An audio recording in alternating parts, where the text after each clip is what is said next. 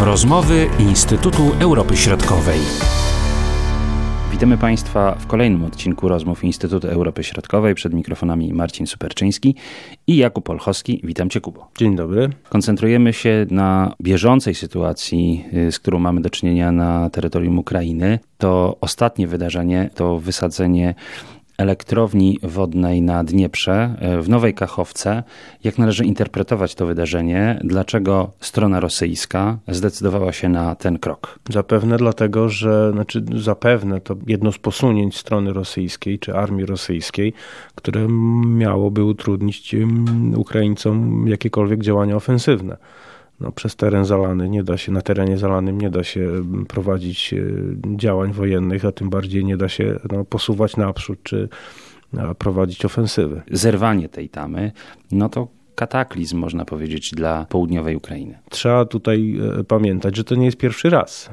W czasie II wojny światowej Armia Czerwona, tylko trochę, trochę wyżej, w górę Dniepru, także zrobi, zrobiła analogiczną rzecz, czyli, czyli wysadziła, wysadziła tamę i wtedy to rzeczywiście był kataklizm. E, wtedy zginęły, zginęły dziesiątki tysięcy ludzi.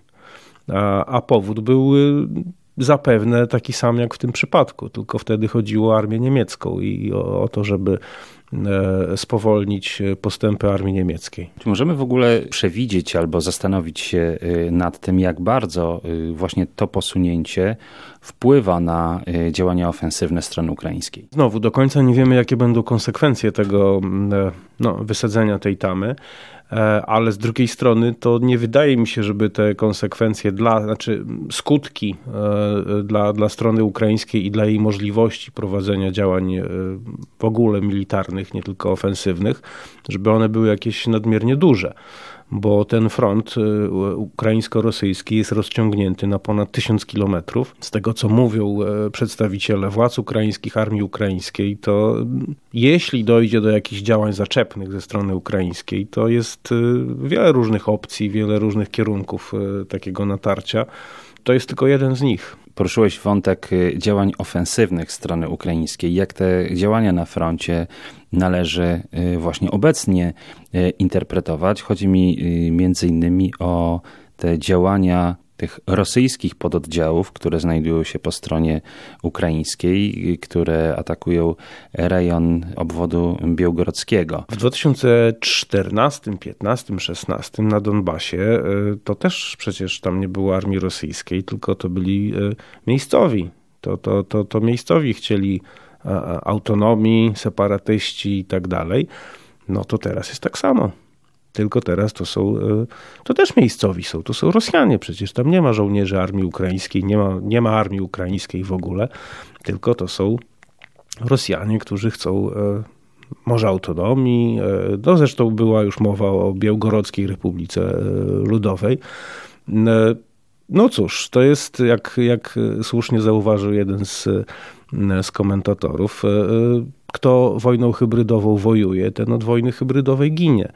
E, Ukraińcy po prostu robią to, co robili wcześniej Rosjanie w stosunku do Ukrainy, czyli prowadzą wojnę hybrydową czyli prowadzą, e, e, czyli, czyli prowadzą ataki cybernetyczne, hakerskie, czyli grupy dywersyjne możemy założyć na terenie Rosji, dokonują ataków różnego rodzaju zamachów, płoną rafinerie, wysadzane są pociągi, wysadzane są drogi, węzły komunikacyjne, drony ukraińskie spadają na rosyjskie e, instalacje, a nawet na Moskwę. Cóż, no Rosjanie sobie sami tego piwa naważyli. Jak bardzo te działania właśnie w obwodzie białgorodzkim e, są groźne dla samej Rosji? Jak władze postrzegają to, co się dzieje? Czy są, jak myślisz, bardzo zaskoczone takim obrotem sprawy? Czy spodziewali się, zakładali, że coś takiego może się wydarzyć, jeśli chodzi o dowództwo wojsk rosyjskich? O, przypuszczam, że się tego nie spodziewali. Przypuszczam, że y, nawet przez myśli mnie przeszło, że Ukraina byłaby zdolna do prowadzenia takich działań, y, no przede wszystkim pod względem logistycznym i technicznym. No okazuje się, y, że jest zdolna. Oczywiście, jeśli chodzi o taki wymiar czysto militarny, to, mm, to nie są działania, które mogą Rosji zaszkodzić. To nie są działania, które mogą e, zagrozić e, w jakikolwiek sposób Rosji. Ale jeśli chodzi o ten wymiar psychologiczny, to, to, to jest ogromny cios. To jest cios w wizerunek Rosji jako imperium. To jest cios, cios w wizerunek samego Putina, bo oto okazuje się, że to wielkie imperium, które e, najeżdża innych i które ma swoje strefy wpływów i jest drugą najpotężniejszą armią świata, nie ma obrony przeciwlotniczej, skoro drony sobie nad Moskwą latają. Co więcej, latają sobie y, podobno, takie są, takie są doniesienia, że te drony spadają na dzielnice, w, na rezydencje elity kremlowskiej, elity, elity rosyjskiej. No i skoro tutaj pojawia się to, pojawia się już nam ta rosyjska elita, to to jest klucz bo chodzi o to, żeby to, bo nie oczekujmy, że w Rosji wybuchnie powstanie, rewolucja i a, a dobrzy Rosjanie obalą złego Putina, bo, bo to się nie wydarzy.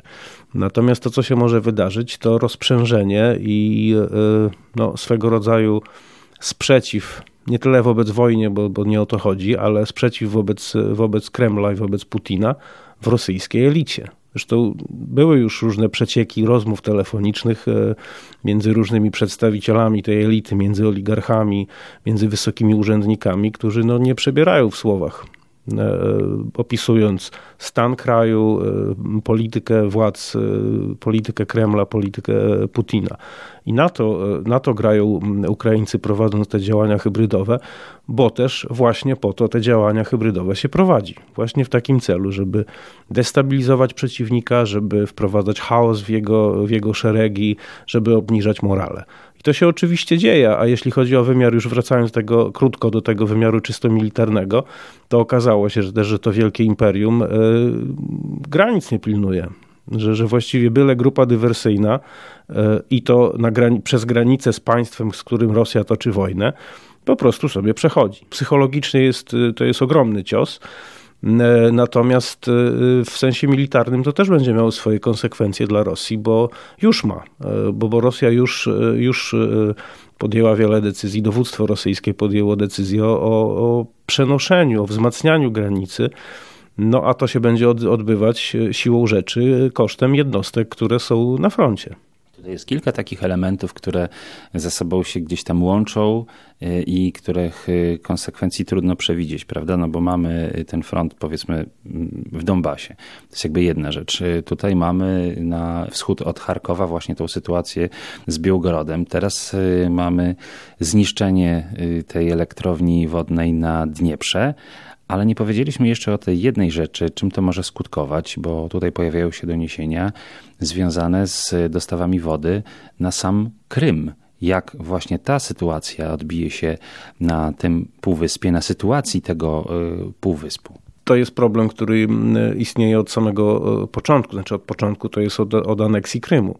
E, bo rzeczywiście Ukraina e, odcięła dopływ e, wody na Krym, a to jest jednak kluczowe dla tego, dla tego obszaru, który jest w dużej mierze takim regionem rolniczym, więc potrzebuje dużo wody, a, a bez tej wody, której jedynym właściwie źródłem jest, jest, jest Ukraina, no, Krym jest, Krym jest w bardzo trudnej sytuacji, znajdzie się ekonomicznej.